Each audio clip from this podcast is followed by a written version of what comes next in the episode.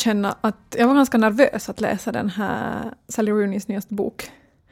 Uh, och jag beställde den och sen låg den liksom i nästan en vecka på mitt nattduksbord och jag ville inte röra den. Men ja, jag tänker att varför jag var lite nervös att läsa den handlar ju förstås om, om förväntningar. Men, men jag var inte ens liksom egentligen uh, så nervös för att på något sätt inte tycka om det. Uh, utan jag var mer liksom nervös på att kommer liksom fortfarande... För jag har liksom älskat hennes tidigare böcker, men på ett... Men liksom inte, det har inte känts som en på något sätt... Hur ska jag säga? Det har liksom inte passat i mitt så här kreddiga litteraturvetar-image som jag vill odla. Nej men alltså, skämt Är det lite som romance att läsa Sally Rooney? no, alltså kanske, alltså inte helt samma, men lite jämförbart. Liksom, att jag, jag skäms inte över att säga att jag älskar Maggie Nelsons Argonauterna, men jag, jag liksom väljer verkligen mina situationer när jag säger att jag älskar normala människor, liksom verkligen älskar den. Nu säger jag det förstås här i podden, så nu vet alla. Nej, men alltså, inte skäms jag över det, men att det fanns en sån här att jag på något sätt att jag skulle att jag önskar lite att jag skulle ha på något sätt utvecklats förbi henne. Nå, men sen kom jag på att det som säkert gör att de här böckerna har kännats ganska på något sätt um, till och med privata för mig, eller det sättet som jag har på något sätt relaterat till dem och som de här karaktärerna har på något sätt kommit under skinnet på mig, har varit på något sätt på ett jätteprivat och personligt plan och sen kom jag på att Sally Rooney är ju liksom hon har ju kallats för den första så här millennial generation författaren och och sen kom jag på att det finns ju liksom inte så många författare som är på något jämngamla med oss eh, och vars på något sätt författarskap har utvecklats parallellt med på något sätt vårt liv och oss som läsare. Eh, och det blev jättetydligt i den här tredje boken för att om de tidigare liksom böckerna har handlat om kanske 20 till 25-åringar så handlar den här nyaste boken om, om karaktärer som är typ 30. De är 29 de är, när det börjar. Och, Lika gammal som jag. Och, och den här ena är typ 33, 34. Ja, ah, just det. Uh, och den här liksom på något sätt positionen att vara ung, men inte mera så ung, uh, är någonting som jag tror att vi båda relaterar ganska mycket till. Uh, Menar du young and beautiful? men att, att liksom, då insåg jag att det är därför som hon blir en ganska speciell författare för mig, för att för att på något sätt vi utvecklas parallellt och om man är under 30 så finns det inte ännu så många författare som man kan ha haft en upplevelse med. Att om 20 år finns det kanske liksom en massa författare som är jämngamla och som beskriver på något sätt på pricken de livskeden man själv går igenom och på något sätt hela det på något sätt samhälle som omringar dem och de liksom samtidsfenomenen på ett liksom så sådär inifrån perspektiv. Absolut, alltså jag, jag håller så med dig och uh det som är i Sally Rooneys böcker när jag läser det, så det känns lite som att hon trycker liksom någonstans rakt på någonting som är liksom mitt hjärta. alltså, uh, för att det är liksom, hon, hon kommer så otroligt nära sådana grejer som jag har tänkt och känt och liksom det, det är liksom, jag tycker det, jag blir både lite arg på henne för att hon har nu skrivit det här. Eller genomskådat på något sätt, att du är inte sen heller en unik snöflinga utan att det här är liksom en ja, det är generationsupplevelse. En, det är en generationsupplevelse men liksom också att, att jag känner liksom jättemycket att att liksom att, att jag skäms inte liksom när jag säger att, att jag, jag verkligen tycker om Sally Rooneys författarskap och hennes liksom böcker för att de, de väcker liksom så mycket känslor i mig. Och, och det, det, går ändå före allt annat. Sen kan jag nog kritisera liksom vissa detaljer och sådär och tycka att, att vissa grejer är fåniga, vissa genväg, genvägar är enkla, vissa saker går hon inte in på tillräckligt i djupet med mm. och så vidare. Men, men jag, jag, liksom, för jag upplever det samma, jag är inte alls liksom okritisk och det är ju därför som jag hade på något förväntat mig att yes, nu har jag kanske kommit till den där positionen och utvecklats som läsare och som människa, att jag skulle vara på något sätt över den här stora upphausade författaren. Uh, men att, att även om jag kan genomskåda vissa saker så känns det på något sätt att de här böckerna känns på något sätt som typ nära vänner. Att det är så att jag ser de där bristerna, men liksom att i sin dissa den här, det är min kompis. Exakt. Liksom att jag bryr mig inte. Får jag gå in på en av mina favoritscener så här direkt? Gör det. Alltså den här scenen när Eh, uh, Eileen och Alice som har brevväxlat med varandra. Alice är den här framgångsrika författaren som har flyttat till ett hus uh, ute på landet och Eileen är den här uh, ganska fattiga kulturarbetaren som bor kvar inne i Dublin och de har med, liksom skickat brev till varandra och så träffas de och man har väntat liksom hela boken på att de ska träffas efter det här bröllopet. Man har liksom väntat att det ska komma det här bröllopet, Eileens syster ska alltså gifta sig. Och sen träffas de på den där perrongen. Och alltså, det var så fint! Alltså, förlåt. Men mm, det är liksom... Jag måste erkänna att jag kommer inte ihåg den scenen. Alltså att Eileen och Alice möts där på perrongen och, och de omfamnar varandra och de liksom pratar om... Eller det står som att, att, att den när de möts igen, så det är som en gömd värld, en bubbla där de inte kan nås av världens fulhet. Och liksom, det är sådär... Och jag menar att det här är den här kraften varför jag älskar den här boken. För att det här bygger upp till den här piken, den här peak beauty, liksom, som är där. Så den har varit så liksom... Uh, alltså jag har varit med om och jag tror på det 100 procent och... Uh, alltså... det var... ah, nej men alltså... Det är fint och det som jag liksom... Um, jag läste någon recension var de liksom uttryckte det som att, att hon är liksom verkligen en mästare på på något sätt så här... Uh, en så här slow burn. Och att hennes liksom, det tar ganska lång tid för stämningen att byggas upp. Exakt. Uh, ja, jag sitter alltså här och gråter så att... uh, men exakt, och det var det jag kände. Och, och det handlar om den där vänskapen och alla de där liksom drömmarna och förväntningarna och det liksom allt det där, allt det där liksom fåniga och ja. Och jag, jag, jag, tycker bara, jag ville på något sätt ta det här i början av samtalet för att det var så fint. Men ska vi uh, lite recappa uh, liksom handlingen i boken? Ja, The Beautiful World handlar ju också om, uh, där är två andra viktiga karaktärer förutom Alice och Eileen och det är Simon, eller Simon och uh, Felix, Felix. Uh, så det där, vem är de? Eh, uh, no, Felix, eh, han jobbar på ett lager och hela så boken inleds med att han och Alice uh, har en Tinder-date uh, som kanske inte går så bra, men, men de liksom utvecklar ändå någon form av uh, förhållande. Eh, och, och liksom Alice bjuder med honom till, till Rom på en sån här book promoting tour, uh, kanske mer som vänner, uh, men så utvecklar de ändå någon form av förhållande. Och uh, Simon är Alice och Eileens kompis och också Eileens barndoms liksom granne från barndomen som hon har haft en, en liksom crush på sen hon var liksom gammal nog att ha en crush ungefär.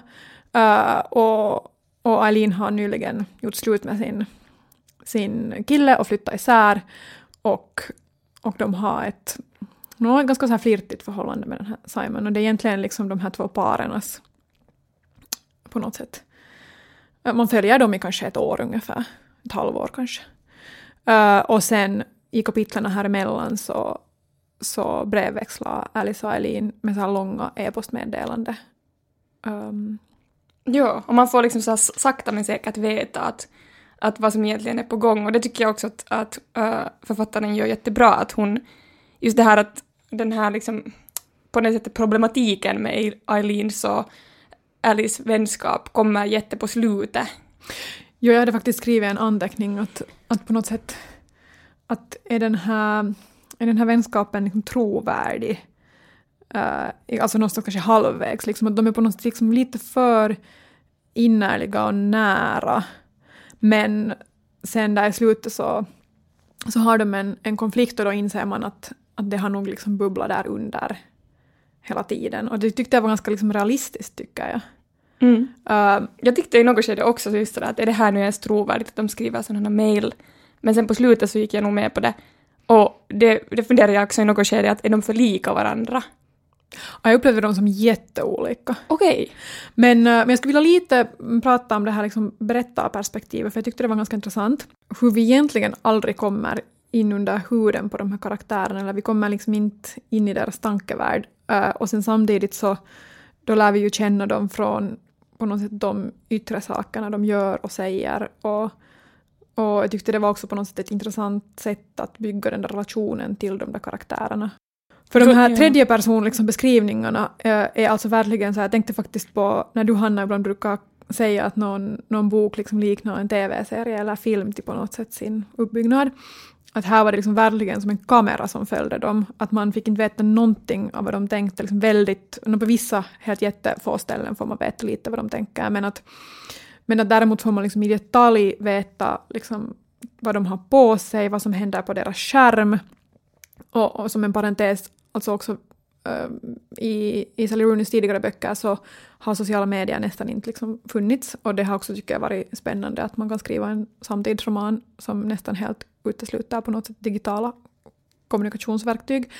Men att här är det liksom på ett ganska fint sätt liksom inkluderat och på ett ganska naturligt sätt inkluderat och man liksom kan se vad de smsar och vad de väljer att inte skicka iväg och vem de stalkar på liksom småtimmarna. Men att man vet inte någonting vad de liksom tänker. Uh, och sen i de här uh, e-postepisoderna så då skriver de ju liksom nog ganska innerligt och personligt och privat men att det är ju fortfarande att de har ju liksom makten att kurera hur det är ganska... den som det är- läser e-posten liksom kan så uppfatta dem. Och det är ju också två liksom ganska litterärt kompetenta personer som skriver dem, så de har ju på något sätt verkligen makten på något sätt att vilja hur de vill bli uppfattade. Ja, jag tänker de teoretiserar ju ganska mycket också i mejlen. Men de är nog också, också personliga. Ja, jag tycker det är intressant det där att eh, hon glider också så enkelt från en person till en annan. Att hon liksom skriver Felix, sen skriver hon Alice. Och de liksom går så här ganska sömlöst in i varandra. Eh, och, och jag får liksom känslan av att se dem nog inifrån, fast hon inte just beskriver deras inre.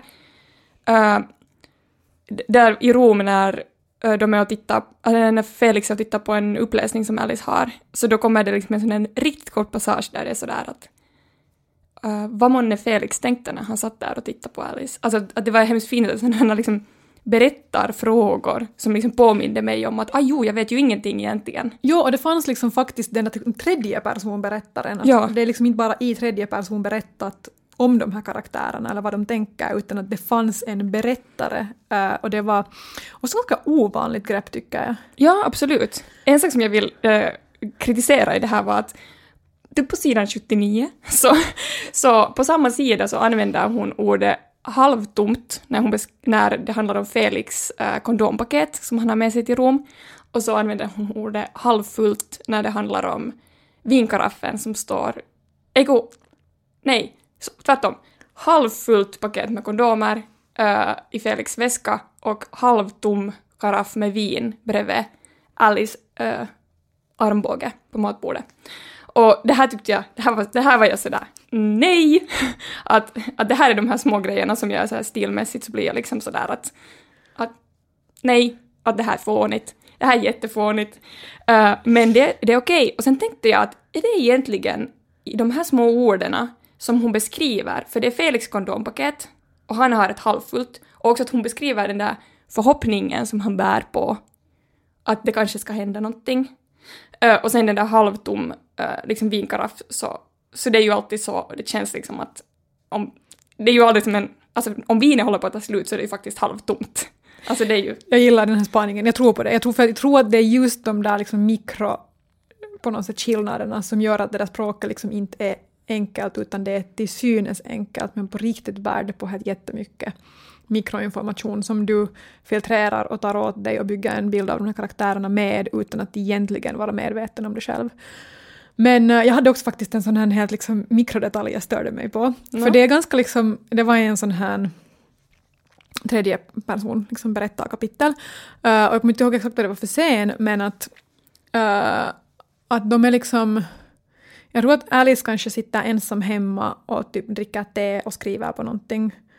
Och there was music in the background, står det. Eller något sånt. She was Ja. listening to music.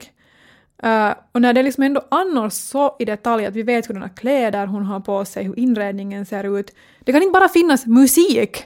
Vad är det för musik? Liksom, det är jättestor skillnad.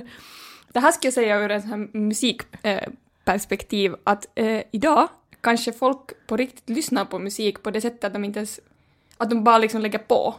Att du, Alltså det, men ja, man skulle ju nog vilja veta vad det är för genre eller ens någonting. Ja, men eller jag det, tänker liksom att, att då lägger du liksom inte, du sätter ju inte på Spotify på någon slags liksom uh, shuffle hela Spotify, utan du väljer ju ändå en lista, så då kan det ju liksom räcka med att uh, hon satt på sin typ hemmalista, eller liksom till och med en sån grej att man fattar att ah, okej, okay, liksom, okay, då ska jag fortfarande vara så att vad finns på hennes liksom, hemmalista, men att det är fortfarande en ett på något sätt medvetet val. Absolut, ja, ja det där är intressant spaning. hon har ju på samma sätt liksom, nu sätter ju folk bara på sig kläder på morgonen, men fortfarande kommenterar ju liksom på något sätt den här berättaren vad det är för kläder och jag tänker att det är liksom lite liknande, att det är på sätt och vis ett, att det är bara något val och det är liksom mer eller mindre medvetet eller övervägt, men att det på sätt och vis kan du aldrig sätta på dig några kläder i misstag. Eller alltså, Ja. men jag tänker faktiskt inte, inte alls nästan på musik när jag tänker på hennes bok. Men där, det kanske sen börjar, jag, så sen börjar jag tänka på något sätt på att, äh, för jag är lite den personen som ofta inte sätter på musik i ett rum, för att det kanske beror på att jag är omringad av människor med mycket större musikintresse än jag, och,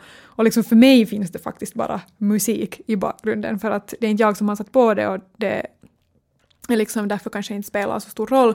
Däremot kan jag nog reagera på om jag tycker att det är på något sätt fel musik för, för den stämningen till exempel. Eller så.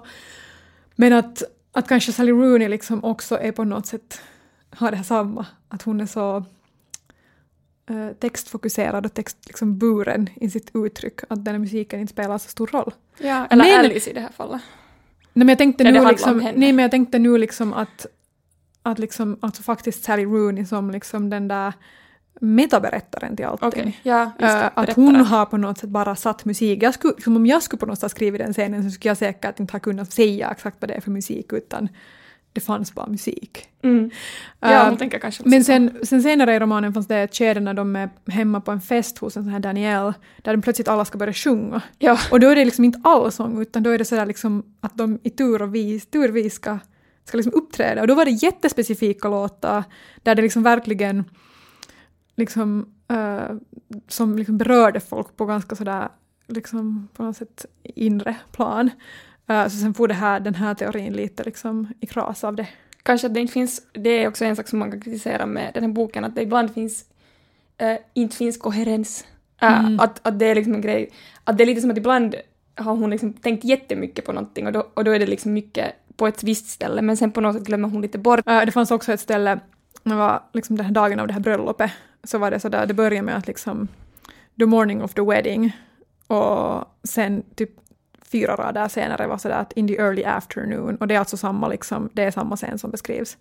Att det här bruden och hennes syster sitter i den här rummet var de har gjort sig i ordning. Men det där har jag funderat på på flera ställen i boken, att hon far liksom i tid jättefort framåt, också inom samma stycke. Mm. Så det kan hända att det där var något, men vi får se. No, men det här är ju verkligen detaljer. Får jag säga en detalj? Mm. Ordet indexfinger finns förvånansvärt många gånger i boken. Jag tänkte på samma. Och indexfinger, vad gör ett indexfinger? Jo, de har den i munnen när de har sex. Och sen... De har det också på andra ställen när de har sex. Och andra ställen såklart. Men det är alltid indexfinger, eller inte alltid, men ofta. Och också att den där indexfinger på olika ställen just stryker över olika material. Och sen också att vid telefonen, liksom, alltså det... Jag bara, jag bara liksom funderat, är det här en sån här mikro vet du, ledtråd också om eh, vår tid, eller liksom att det vet du, eller det känns himla pekfinger och index som ord. Är hela samhället ett index? Jag tyckte det var intressant att det kom så många gånger. Men uh, jag skulle vilja återvända till, till större teman nu. uh, jag tyckte det var ganska fint uh, att, för det som jag älskar i samtal med vänner var den här beskrivningen av vänskap. Uh, och jag älskar att i den här vackra världen att på något sätt Sally Rooney återvänder till det. Och, och jag märker liksom att hennes sådär sätt att som hon i Samtal med vänner beskrev Frances och Bobby, att jag på något sätt fick en ganska liknande att den här Alice och Alins relation på något sätt resonerar på samma sätt. Mm. hos mig som den vänskapsrelationen gjorde och just med det här liksom hur de är sådär helt otroligt nära och på något sätt så, så självklart liksom nära men hur det ändå liksom under ytan finns de här, vad ska man kalla dem för, underströmmarna av liksom olika motsägelser, konflikter och um, ja, jag liksom verkligen tycker om det. Ja, jag tycker det var mycket som man nog kände igen från hennes tidigare böcker, att uh, den här sti- det finns vissa saker som hon uh, Eh, intresserar sig för och som återkommer liksom, och fördjupas, men jag tycker nog här att hon, hon går liksom längre än vad hon har gått tidigare och jag tycker att det är hennes bästa roman hittills. Men där funderade jag, jag tänkte på samma sak och jag tänkte liksom du märkte att jag tänkte sådär ah, att Alice och Eileen är liksom Frances och Bobby, men jag tänkte också att um, Eileen och Simon är lite som Marianne och Connell i liksom hur den här, deras relation har på något pågått sen de var tonåringar eller barn eller liksom... Och den där dad-grejen. Nå, no, det också. Uh, men också den här... Men också liksom att, att Felix är på något sätt påminner mig också jättemycket om Connell. Ja. Jag såg egentligen den här, vad heter han, Paul någonting som spelar Connolly i den här tv-serien. Så jag såg liksom att Felix såg lite ut som han. Och sen tänkte jag att liksom Felix är på något sätt, om Connell inte skulle ha uh, liksom åkt till Trinity och börjat studera där utan blivit kvar där i, i den där hembyn och Sligo. Så uh, att då skulle liksom han ha kunnat bli Felix. Uh, och där började jag också fundera liksom på, på de här alla andra tre huvudpersonerna är högutbildade och uh, har gått på universitet och Felix jobbar på ett lager och han hatar det. Eh, men att det liksom är inte samtidigt någonting som han aktivt på något sätt strävar ifrån och att det finns en på något sätt jätteuppenbar på något sätt eh, klassmotsättning. Men att där var det i Sally Rooneys tidigare böcker har varit liksom ganska sådär uh, liksom ett tema som har varit jätte liksom framme, men jag kanske ändå tycker att det har behandlats lite kanske ytligt, eller till och med naivt ibland, att också de här huvudpersonerna som kommer på något sätt från en liksom, någon form av arbetarbakgrund, så att de är ändå de liksom bästa i klassen alltid på universitetet, och trots att de tycker att det här universitets på något sätt världen är lite överklassig och elitistisk, så, så liksom är de ändå sådär jätteframgångsrika där och och liksom att, att det finns någonting lite sådär för enkelt. Jag tycker liksom... att det var jättebra gjort också det att Alice kom ju från en uh, uh, krass bakgrund och hennes pappa var alkoholiserad och så vidare. Och sen har hon gjort den här framgången med författarskapet. Men också att där att hon Sally Rooney hade fångat någon sorts sån där burdushet hos den där Alice som kändes liksom jätte... Uh, som att man såg hennes bakgrund i det. Mm, fast jag tänkte samtidigt att hon påminner ganska mycket om Marian i det där liksom på ja. något socialt klumpiga. Ja. Marian kommer från en så väldigt liksom överklass på något sätt familj. Men att, uh, men ja, sen tänkte jag liksom att, att jag hade kanske förväntat mig att det skulle vara någonting som skulle tematiseras liksom mera i den här boken. Klass? Uh, ja, eller liksom just den här på något sätt, att vad är förutsättningarna för uh, Eileen som kanske kommer från den här liksom krassa bakgrunden. Eko uh, Alice. Ja, förlåt, Alice. Ja. Uh, men att, mm, men att liksom ha ändå gjort den här liksom, uh, hon är ju liksom inte en vad ska vi säga, arbetarklassförfattare, utan hon har ändå gjort den där liksom bildningsresan av en universitetsutbildning eh, och examen och att hennes författarskap bygger kanske ändå på liksom mer, eller kommer från den på något sätt, eh, utgångspunkten. Eh, medan sen liksom Felix har sådär knappt läst en bok i sitt liv kommer det fram att, att vad är på, något, på riktigt förutsättningarna för dem att, att bygga ett liksom förhållande. Uh, och det är jättetydligt i hur de för dialog att Alice har ett ganska sådär uppburet vackert språk medan liksom Felix har jättemycket mer så här talspråk. Och att den kontrasten tycker jag var sådär nästan liksom äh, fånigt uppenbar. Men att... Men jag vet inte om jag håller med dig för att det inte tematiseras, för att till exempel när de har sitt största gräl, Alice och Felix, så uh, då är okej, okay, Felix är ju helt wasted. Men också att jag, se, jag ser det som en jättestor trigger att han frågar just i den situationen att hur mycket förtjänar du egentligen? Är du en miljonär eller? Och så säger liksom Alice att Uh, ja, typ att jag har nog så mycket. Och sen så kommer den här helt, att Felix blir liksom helt Uh, nej jag vet inte, alltså det är säkert jätteenkelt och, och banalt men jag på något sätt... Men alltså, du har rätt, du har rätt du har, det finns nog där ja. men att, att det är kanske just så att, att hon har tidigare varit på något sätt lite sådär för uppenbar uh, i den motsättningen och nu var det liksom verkligen mer så inbyggt. Och att det finns också den här maktbalansen att medan liksom Alice mycket tidigare har på något sätt den här helt hopplösa liksom crushen på Felix och säger liksom på något jättetidigt att jag älskar dig. Och han säger liksom ganska rakt tillbaka att jag älskar inte dig. Liksom, det är just i den där dig. scenen. Ja. Uh, men att jag älskar inte dig. Uh, men att han sen samtidigt liksom säger att, att hon har liksom alltid övertaget av de två. Att hur mycket hon än leker liksom, uh, ensam stackare som älskar honom och han älskar inte henne. Att liksom, att, så, så det finns nog där och det. Och sen där liksom, men jag tänker också på det för sen i den där scenen, liksom i den sista tredjedelen, så är de alla fyra där i den här uh, byn var den här liksom, Alice och Felix bor. Och de umgås alla fyra och jag tänkte liksom också där att, att det liksom... Att är det på något sätt trovärdigt att de kommer så här sömlöst bara överens? Och att det är liksom... Alltså jag vet inte om det här på något sätt uh, bara som på något sätt en, en reaktion på hur jag tycker att hon tidigare kanske på ett lite sådär just förenklat sätt har eller liksom så svartvit, övertydligt sätt lyft fram de här motsättningarna. Och nu gör hon det liksom egentligen mycket bättre och subtilare. Mm. Och då tycker jag på något sätt att, att är det här ens trovärdigt. Jag tycker, ja, det är intressant, vad heter det, jag tycker överhuvudtaget är det där skildringen av hur trött Felix är när han är på jobbet och när han kommer hem och han är helt slutkörd och liksom också det där hur han vill ut och liksom supa och hur han gör det. Jag vet inte, på något sätt kändes det helt mega autentiskt eh, som skildring, att jag blev helt sådär att, att okej, okay, att vitsi var på något sätt skönt att läsa det här som en motsättning också till det där, vet du, sitta, sitta i, i det där stora tomma huset och vet du, dricka te och vara jättebelevad och lugn, och, eller inte lugn men sådär vet du, att, att jag tyckte att hon fick där jättesnyggt nog fram de här samhällets liksom ändå en bredd på ett visst sätt. Ja, absolut, absolut. Men, men alltså, jag tycker liksom att det är jättebra gestaltat ja. och deras liksom... Uh, och just den här på något sätt deras maktbalans som kommer ur det här, det är jättesnyggt gestaltat. Men liksom deras på något sätt, liksom på något sätt att problematisera det där, vad bygger deras förhållande egentligen sen på? Jag funderar liksom på en sån här mm, finsk bok som har kommit nu i höst, uh, Eppu Nuotios uh, Kuin vierasta maata, som handlar om en här finlandssvensk uh, marknadsförare på Svenska Teatern uh, som blir förälskad i en här polis. Och, alltså jag har inte läst den jag läste bara en recension på den.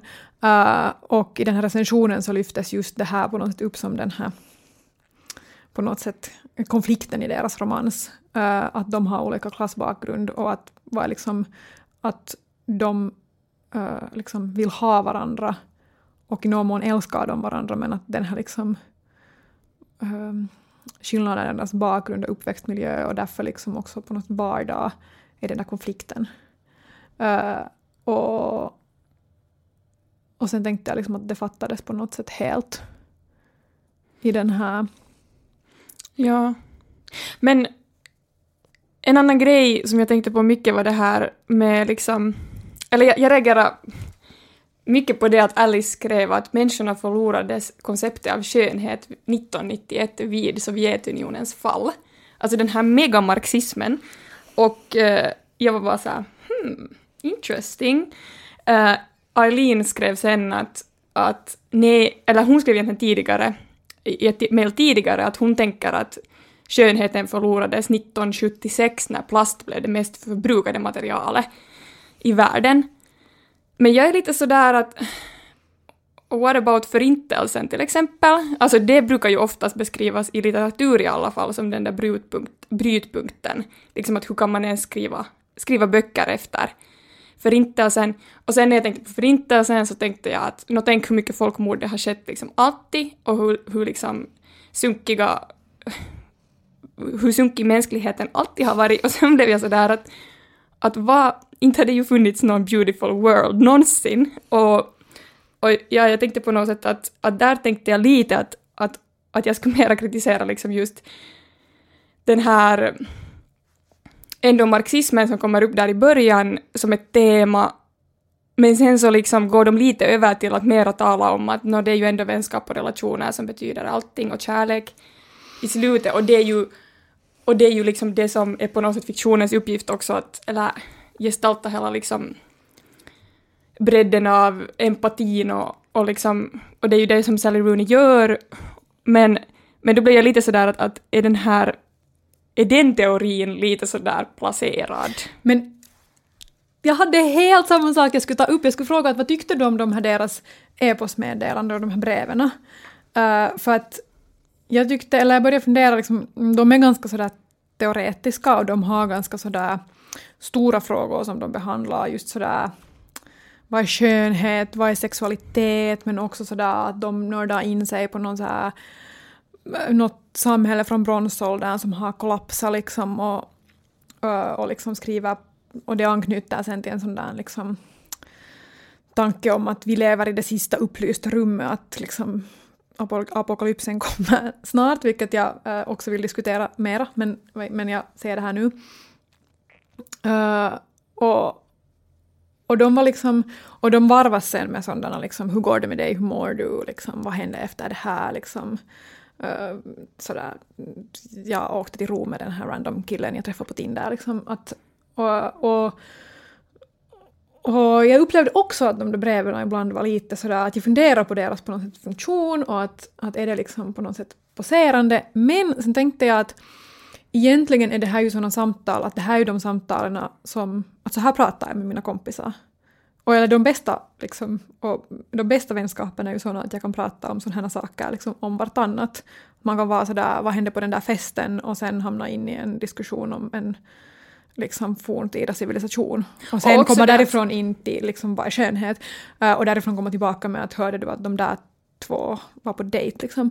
Uh, men sen började jag tänka, och det här anknyter lite till, uh, till det som vi pratade om trion när vi pratade om upphausade böcker, eh, att hur svårt det är att att skriva på något sätt den här formen av diskussioner. För det tyckte jag i trion att ibland kändes sådär att jag ville lite himla med ögonen åt de här diskussionerna som de här huvudpersonerna hade när de satt på bar och diskuterade liksom samhälle och konst och klass och kultur och what not.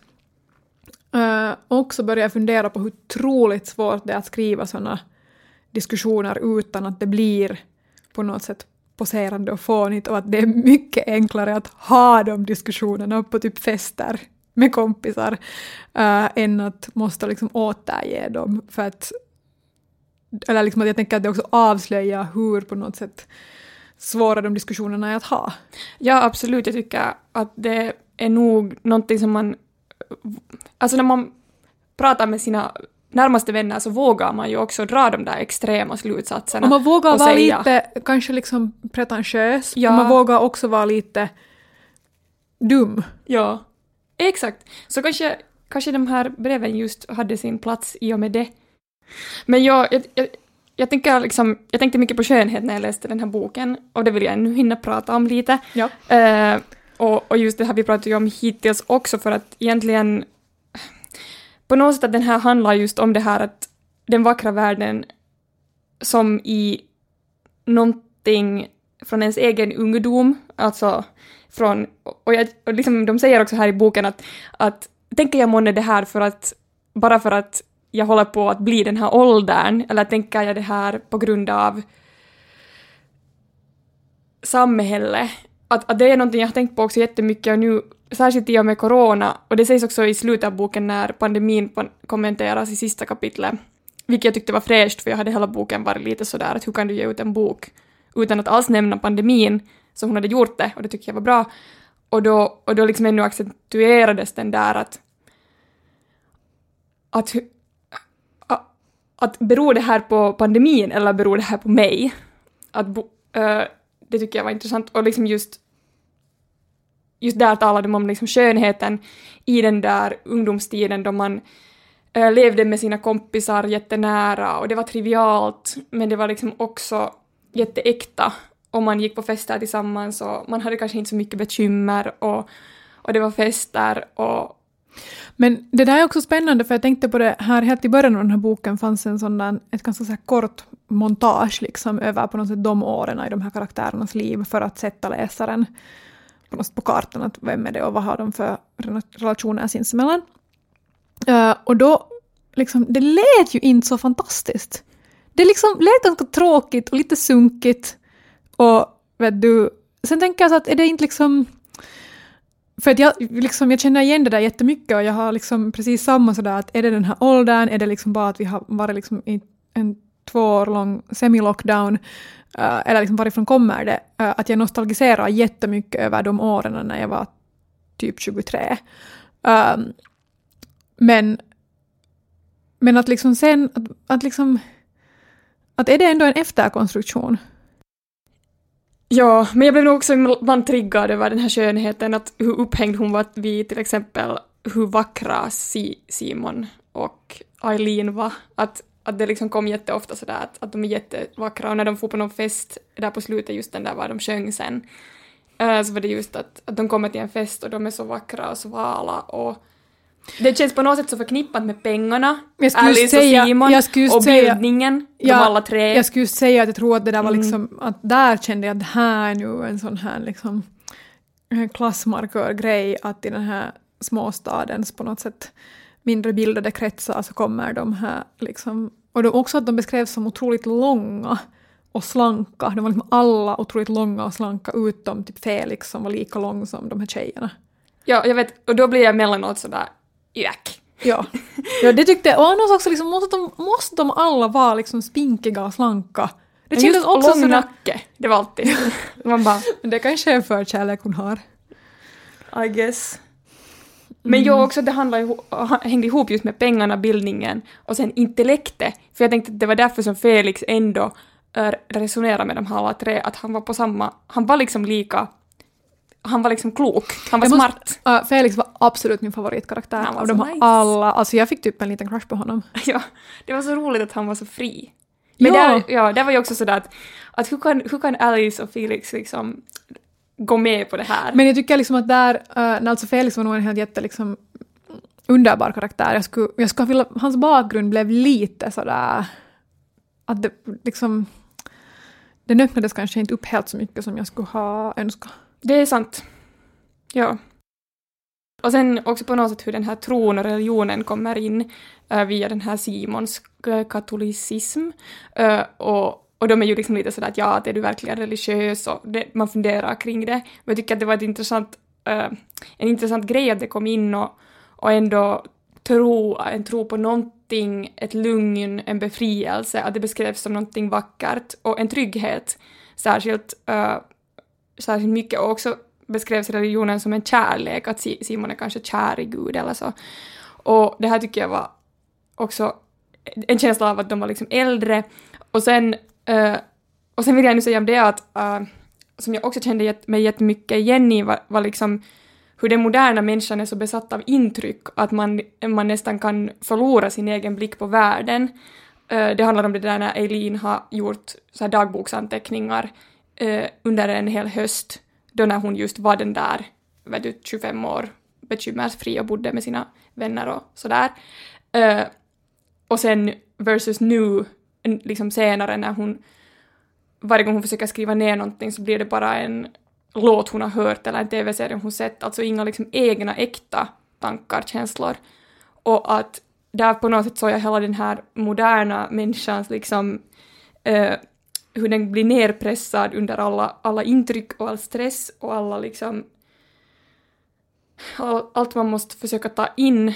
Men sen också är ju Eileen nog i något stadium av depression då när hon beskriver det här, känner jag. Så, så det liksom ännu accentu, accentuerar den där hennes, att hon kan inte liksom ta in någonting. Men jag kände helt jättemycket igen det. Men Sally Rooney har ju någon form av helt otrolig fingerspetskänsla för samtiden. Indexfingerkänsla. Hon ja. sätter sitt pekfinger rakt på samtiden. Uh, I just de här på något sätt jätte, jättesmå grejerna. Mm. Um, och liksom, det är det, det här jag tänker när jag tänker på den vackra världen, var är du? Så det är liksom, det är så mycket som på något sätt ryms in i den här liksom, titeln och tematiken. Men det här, det här anknyter kanske sen, uh, vi ska prata om, om samtidsromaner sen som ett fenomen, uh, och det här anknyter kanske lite till det, men att, uh, att jag funderar liksom också på Eh, lite det här som du sa om att kommer hon inte att nämna pandemin, och, och vi pratade om det faktiskt här för någon dag sedan, eh, när vi inte ännu hade läst sluten, att, att är det här liksom i en pre eller post covid och att kan man liksom kan man liksom i litteraturen uh, gå förbi eller liksom på något sätt skippa pandemin? Uh, och att, att är det liksom, eller blir det då en på något parallell verklighet som de här karaktärerna redan börjar leva i uh, och, och sen kom det ju alltså i sista kapitlet fram att de här, den här boken hade utspelat sig alltså typ 1918 och sista kapitlet var sen liksom sommaren 20. Ja. Uh, eller december 20. Men uh, ja, det som jag skulle säga var att, att liksom överhuvudtaget så tycker jag att det som liksom, att det finns i den här boken en sådär uh, annan angelägenhet för på något sätt världen och samhället. uh, liksom invid de här människorelationerna. Uh, och att jag tycker att det liksom också på något sätt, att man kan se det också i namnet, att uh, samtal med vänner och normala människor har ju på något sätt de där vänner och människor och människor i fokus i sina titlar. Medan liksom i den här boken så är det ju liksom världen som man ändå på något sätt vill naila. Mm, absolut. Hej, men ska vi prata om problemet med samtidsromanen?